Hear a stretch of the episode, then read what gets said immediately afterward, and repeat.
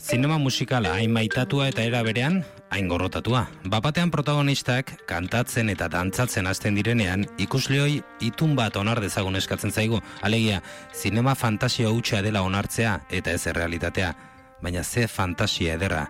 Gaur dakarkigun emakumea, film eta antzerki musikalaren urrezko garaiari dago lotuta erabat. Guen Berdon, kantari eta antzari apartari buruz ari gara gutxik ezagutuko duzue, baina guen berdon, kabaret bezalako filme mitikoen atzean dagoen genioa da.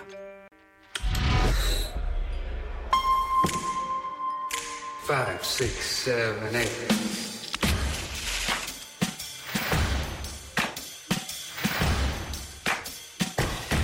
Amaia Areñaga, kaixo. Kaixo. Gure gorkoa, Gwen Berdon. Gwen Berdon. Konta iguzu.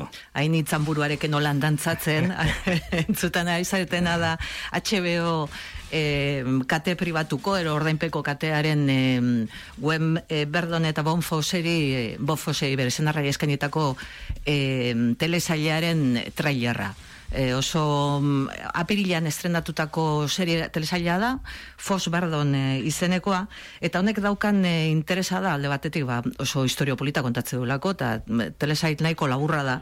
E, bestaldetik Bo Fos eta Gwen Berdonen bizitza eta lanean sakondu egiten duelako, ez? interesgarria da gaina kontatzen digulako, Zinema musikalaren genio handi baten atzean, e, hau da bof e, fos, horren atzean eta itzalpean dagoen emakume baten e, historioa, ez? E, beti bere izena juna aurretik, bere garaian baita ere, eta e, berdon, atzetik gelditzen zen, zan hori burro e, izar bat, baina e, beti gizonaren atzetik.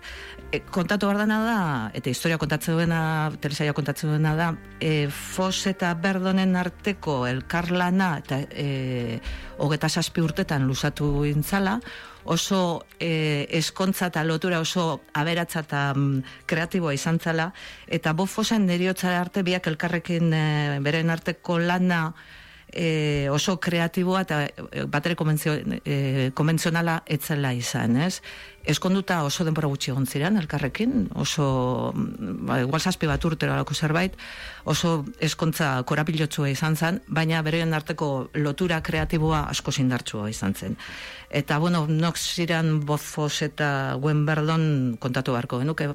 Fos agian, e, guztiok ezagutuko duzu, lotuko duzu kabarete filmearekin oso artista handia izan zan, izan zan aparta maila guztietan, osea, sinegile oso ona, koreografoa, dantzaria, antzerki zuzendaria, geho pertsona bezala naskarria omentzan, eh, baita ere, hori, e, berak onartu egiten duzuen baita ere, bere buruare buruzko entzuen filme autobiografiko batean, eta aitortze dizuet, telesailean, Fosberdon, eh, telesailean, ez da bat ere ondo ateatzen, eta naska pixka tartze diozu bofosi, ez? Oso zan, e, oso gogorra, eta, bueno, dana kontrolpean e, izan nahi zuen, eta gero bere emazterekiko relazioak, emazteekiko e, lau izan zitun, ba, bueno, oso horrelako izan zen. Baina, fos izan zen, dantzan eta zineman, izan handi bat.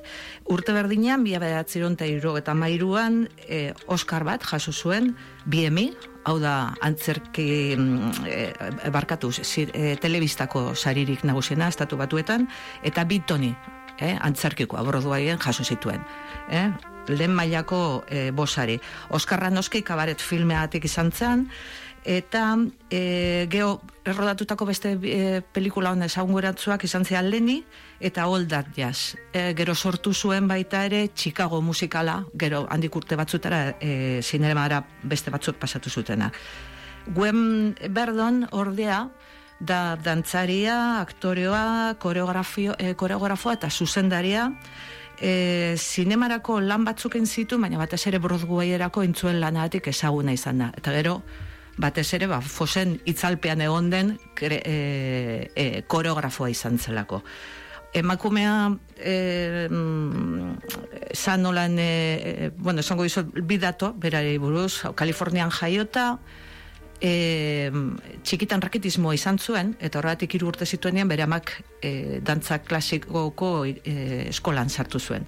Arrezkeo, kristone bilbidea entzuen, eta hori da kontatzen diguna telesailak. Bere papera eitegu e, Weberdonenan Michelle Williamsek, e, Fosena San Roque aktore kamaleonikoak, eta Weberdonen paperagatik Michelle Williamsi, e, e, aurtengo emisarietan telesain motzeko emakume aktore onenaren saria eman diote. Oso ondo dago, oso personaje polita iteu, baina ez da, ez du guen berdonek bezala dantzatzen. Hori horrela da. Aitortu ezagun. Ez, ez, ez, baina horrela da. Bueno, zu pasa dizu diguzuen informazioan ikus dezagut, telesaia, San Wosenen e, Bob Fossi buruz idatzitako biografian, oinarritzen eh, dela, eta liburuak estreinekoz guen berdon protagonista bihurtzen duela. Bi artista handi hauen artean, bizitza luze eta korapilatxua bikote erlaziotik arago doalako, maitaleak, senarremazteak, kolaboratzaileak, aurkariak eta lagunak ere izan ziren. Esaterako, elkar ezagutu zirenean, guen berdon izar bat zen eta fose hasi berri bat. Mila bederatziron da berroita emezortzian estrenatu zen Dams Yankees filmean ezagutu zuten elkar, orain entzungo dugun kanta honen koreografiak hautsak arrotu ziten eta dezente, eh? Whatever Lola wants Lola gets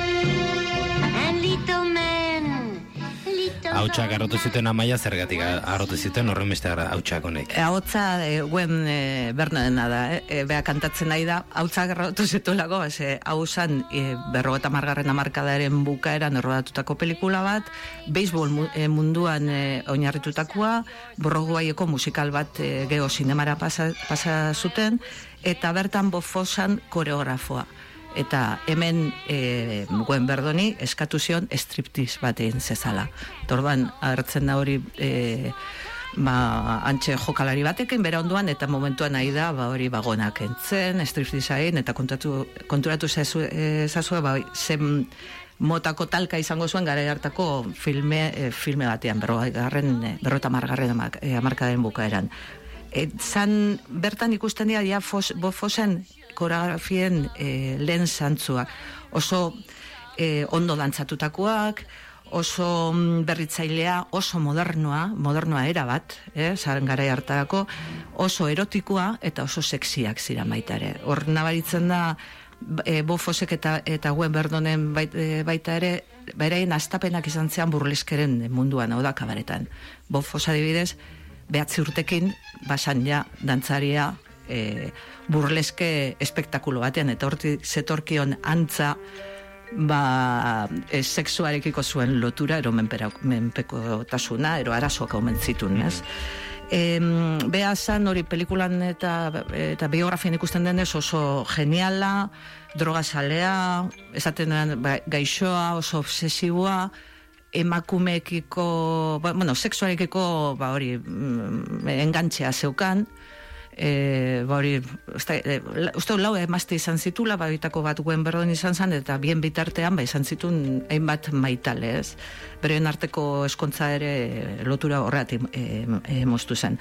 Oldatiaz pelikula, seguruan egin ikusi duzue, bertan bofosek bere buruaren erretrato latza, gogorra, eta ikaragarri eten zuen. Eh? Eta bertan, berdon dantzari e, bezala e, agertzen da baita ere, e, ze bere pelikula guztietan parte hartu zuen, eta bueno, e, bai izango dizuet, e, berdonek e, bi arazo zituela e, momentu hartan, ero bere bizitzako momentu hartan e, fosekin zegoenean. Alde batetik senarra bera, jasan ezin zelako, eta gero ba bueno ba hori ba, ba jartzen zizkiola ba adarrak ba aurkitzen zuen guztiarekin barkatzen zazue baina horrela da.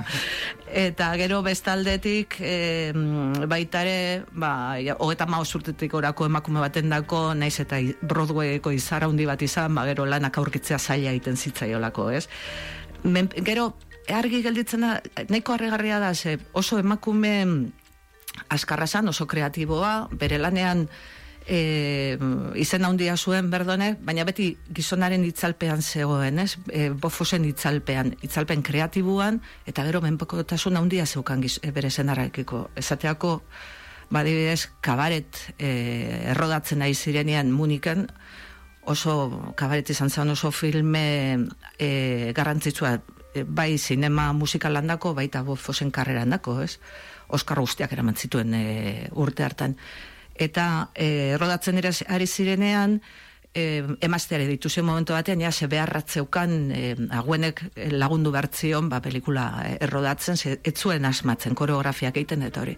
Deitu zion, emaztea saldu zen, e, fos zegoen e, pelikulaen itzultzailearekin liatuta, ze behartzun beti emakume bat onduan izatea, eta zer askatu zion, ba, e, estena e, bateako, ba, goratze duzu, nola gorila bati kantatzen dioten kanta bat, e, e, Joel Gerreilek kantatzen diona, ba, behartzun maskara berezi bat, eta orduan, berdonek, naiz eta gizonak e, ba hori, ba engainatzen zuelan jakin hartu eta e, egazkin hartu New Yorkera juntzan, maskara hori erosi eta egun berian itzuli intzan munikera. Horrela dia gauza.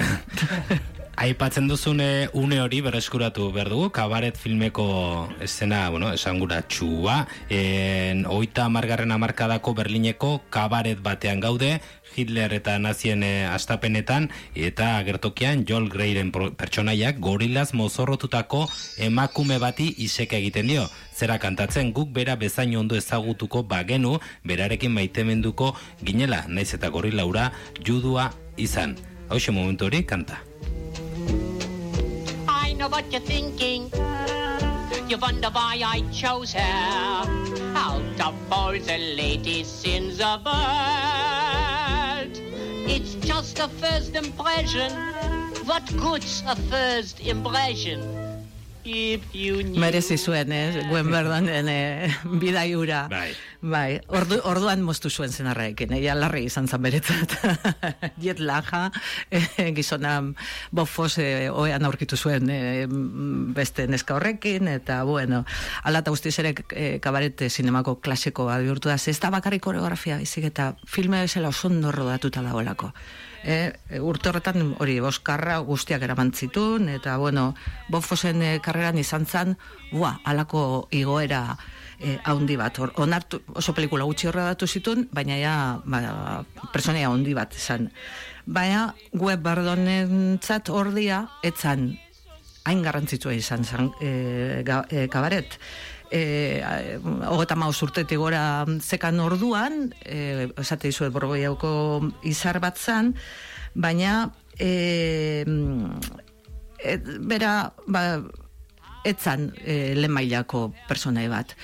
E, ber, e, bo fosekin beti lotura handia izan zuten, oso laguna handia izan zen, eta gira da, e, fosen pelikula eta espektakulu guztietan berdon hartu zuen, eta erabiltzen zuen gaina oso bitxia zan, ze e, laguntzen zion koreografiak eiteakoan, berdon zan, dantzari esplikatzen ziena nola dantzatu berzen eta zer sentitu bartzuten, ez? Bestia pausuak e, pentsatzen zituen eta koreografiak, baina bera, bestia da, berdon zan, e, guzti hori gauzatu egiten zuena. Ez, e, bofos, e, bere besoetan hiltzan, berdon besoetan hiltzan, ez zuden elkarrekin, baina berdon juntzan bere ikustera, eta mila behatzen talaro eta zazpian gazte, bofos bere besoetan hiltzan. E, guen zan bere euskarri emozionala, bere alterrego kreatiboa, esate zuen laguna izaten jarraitu zuten, eta bueno, baita ere papera handi bat eman zion Fosek, Chicago Roxy Hallen papera e, eman zion, hau da, hiltzaile izar bat, sorarri politia dena, eta oldat jazen baita ere beste paper bat entzuen bere mastearen entzuen. Oldat jaz horrek kandeseko jaialdean urte horretan urrezko palmondoa irabazi zuen eta musikali karagarria da e, gizon handi baten testamentoa e, baina gizon era e, berean ba, bat ere erresa eramateko Bueno, 2000 garren urtean, eh, hiltzen eguen berdon, irurogeita mabost urterekin, eta, bueno, e, oso gogoan hartu zuten, eh, bere, bere omenez, e, gau hartan bertan, Broadwayko argiak itzali egin bai zituzten, izar handi bat joan zelako. Eta gurtzeko amaia, bere omenez e, kantu bat e, dakarkigu, ez? Bai, Rosi Jolen e, kanta bat, hau da, gero sinemarako, handik, e, 2000 garren urtean hiltzan, e, web berdon eta handi bi urtetara sinemara eraman zuten e, film, e, bertsioa. René Selweller e, da kantatzeuna eta ez dauka e, gure guen berdonen garzia berbera, baina oso politia kanta. Bueno, ba, gaur, ertzetik berreskuratu duguna, guen berdon, amaia ereñagarekin. Mi esker. Zuri.